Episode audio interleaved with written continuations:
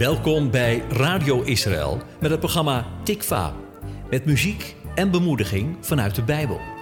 Iedere week weer met een andere invalshoek.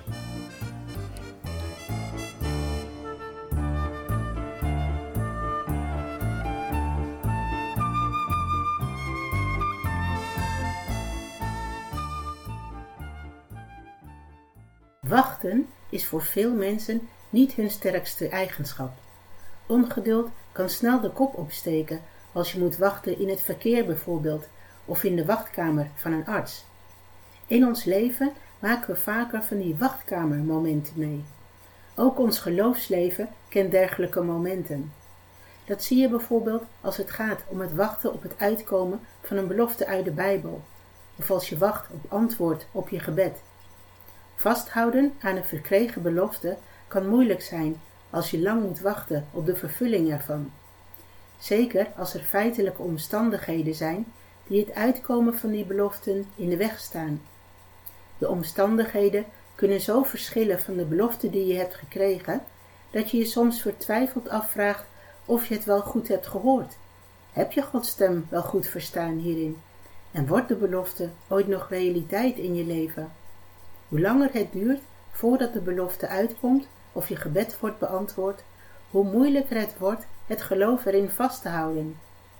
Dit heeft alles te maken met onze menselijke natuur. Wachten, en zeker lang wachten, ontneemt ons vaak de moed. Spreuken 13, vers 12 zegt daarover het volgende. Een langgerekt hopen maakt het hart ziek, maar een vervulde begeerte is een boom des levens. De meeste beloften die we krijgen worden niet onmiddellijk vervuld. Het uitkomen van beloften gaat vaak met een periode van wachten en verwachten gepaard. Vandaag gaan we kijken wat helpt om die wachtkamerperiode door te komen die voorafgaat aan het uitkomen van de belofte. Ah, ja, maar.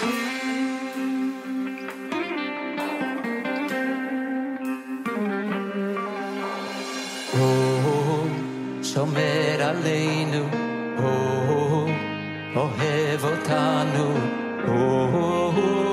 אבא של כולם.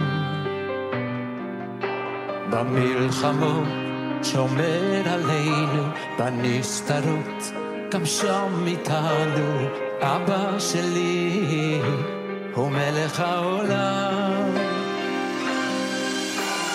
אבא,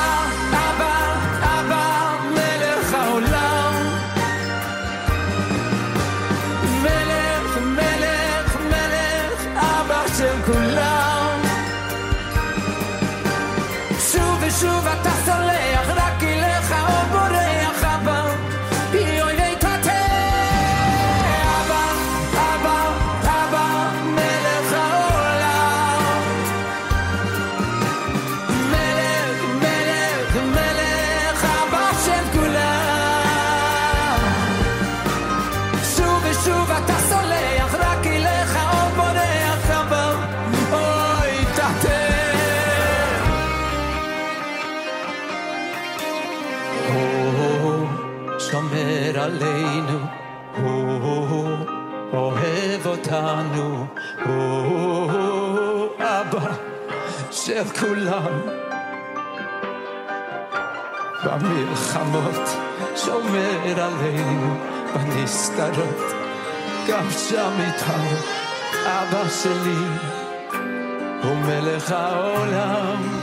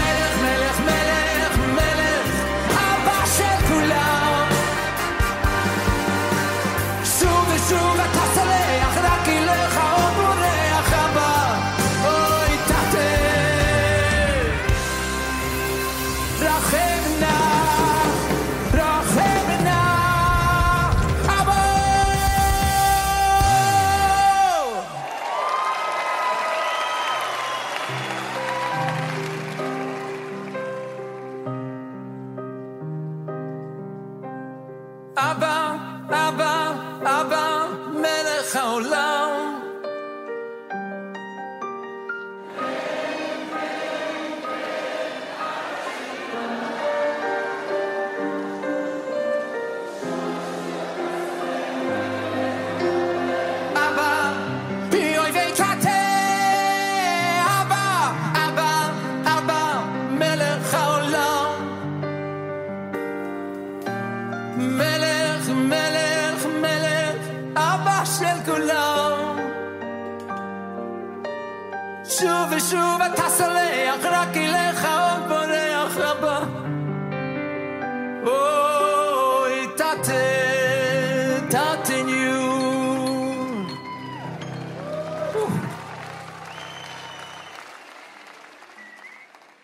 Iemand die lang moest wachten op het uitkomen van een belofte was Abraham. Hij had meerdere keren de belofte van God gekregen dat een groot volk uit hem zou voortkomen. Er gingen jaren voorbij, maar de belofte was nog steeds niet vervuld. Sterker nog, zijn vrouw Sarah was onvruchtbaar. Dus feitelijk gezien was het onmogelijk om uit te kunnen groeien tot een groot volk. Zijn omstandigheden spraken het uitkomen van de belofte tegen. En toch bleef God deze belofte herhalen aan Abraham. Na jaren van wachten op het uitkomen van de belofte rezen er vragen op in het hart van Abraham. De vraag die bij hem opkwam in de versen in Genesis 15, vers 2 en 3 is daarom niet onbegrijpelijk. Hij vraagt God daarin hoe hij dit alles kan ontvangen als zijn natuurlijke omstandigheden tegen zijn. Hij zegt dan: U heeft mij geen kinderen geschonken, waardoor mijn knecht Eliezer al mijn bezit zal erven. Abraham worstelt met de hoe dan vraag en hij blijft worstelen totdat God begint te spreken.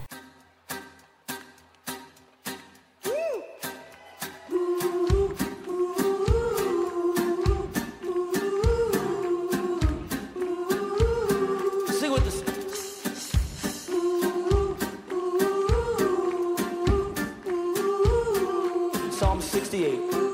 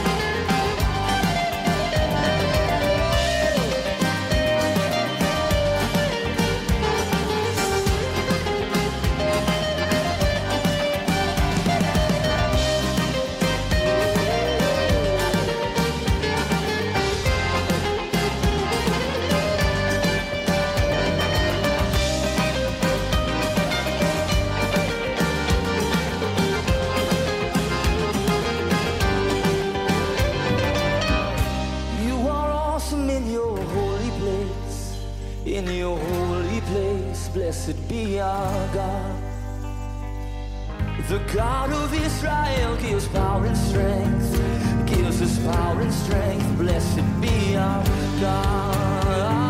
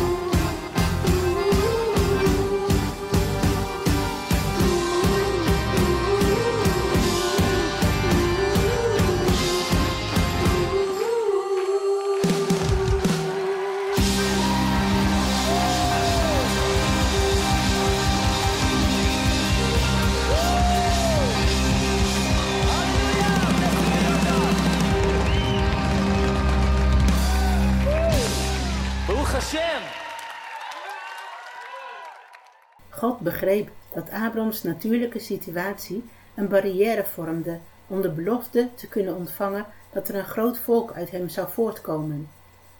God komt hem tegemoet in zijn twijfel en geworstel met de hoe-dan-vraag. God begreep dat Abraham een nieuw beeld nodig had, iets waaraan hij zich kon vasthouden.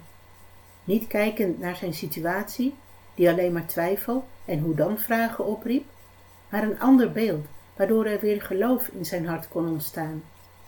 Daarvoor leidde God hem letterlijk en figuurlijk weg van zijn oude situatie, om die te vervangen door een nieuwe visie, een nieuwe visie die geloof in zijn hart deed ontstaan. God gaf hem dat nieuwe beeld door hem te laten zien hoe talrijk zijn nakomelingen zouden worden. In Genesis 15, in vers 5, lees je daarover: Toen leidde hij hem naar buiten en zeide: Zie toch op naar de hemel en tel de sterren, indien gij ze kunt tellen. En hij zeide tot hem: Zo zal uw nageslacht zijn. Met dit beeld van de talrijke sterren liet God aan Abraham zien hoe talrijk zijn nageslacht zou worden. Dit nieuwe beeld dat God hem gaf, zorgde voor een verandering bij Abraham. Hij kreeg een nieuwe visie, waardoor zijn twijfel plaats maakte voor geloof, zoals je in vers 6 kunt lezen. Daarin staat: En hij geloofde in de Heere, en hij, God, rekende het hem toe als gerechtigheid.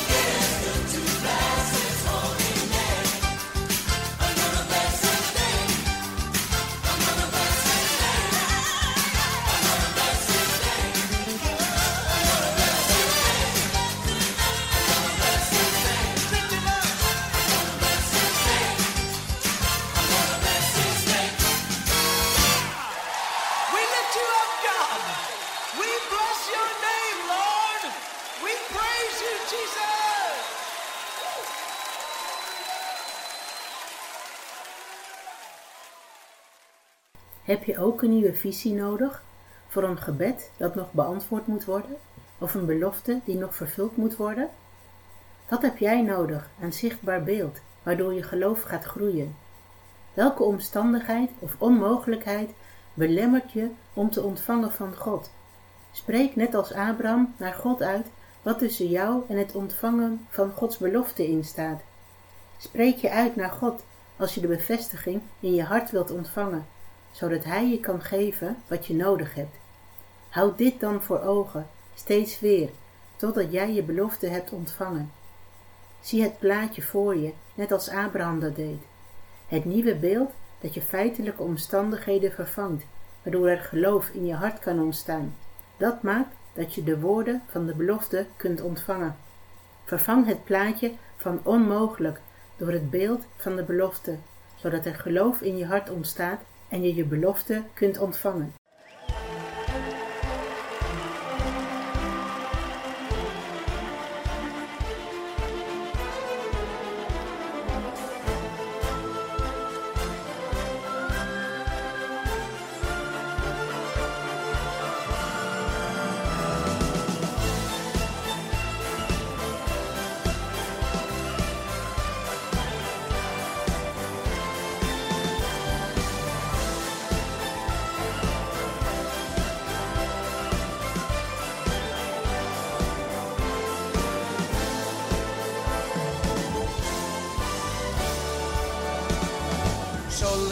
עליכם מלאכי השורס, מלאכי עליון, ממלך מלכי המלוכים, הקודש ברוך הוא.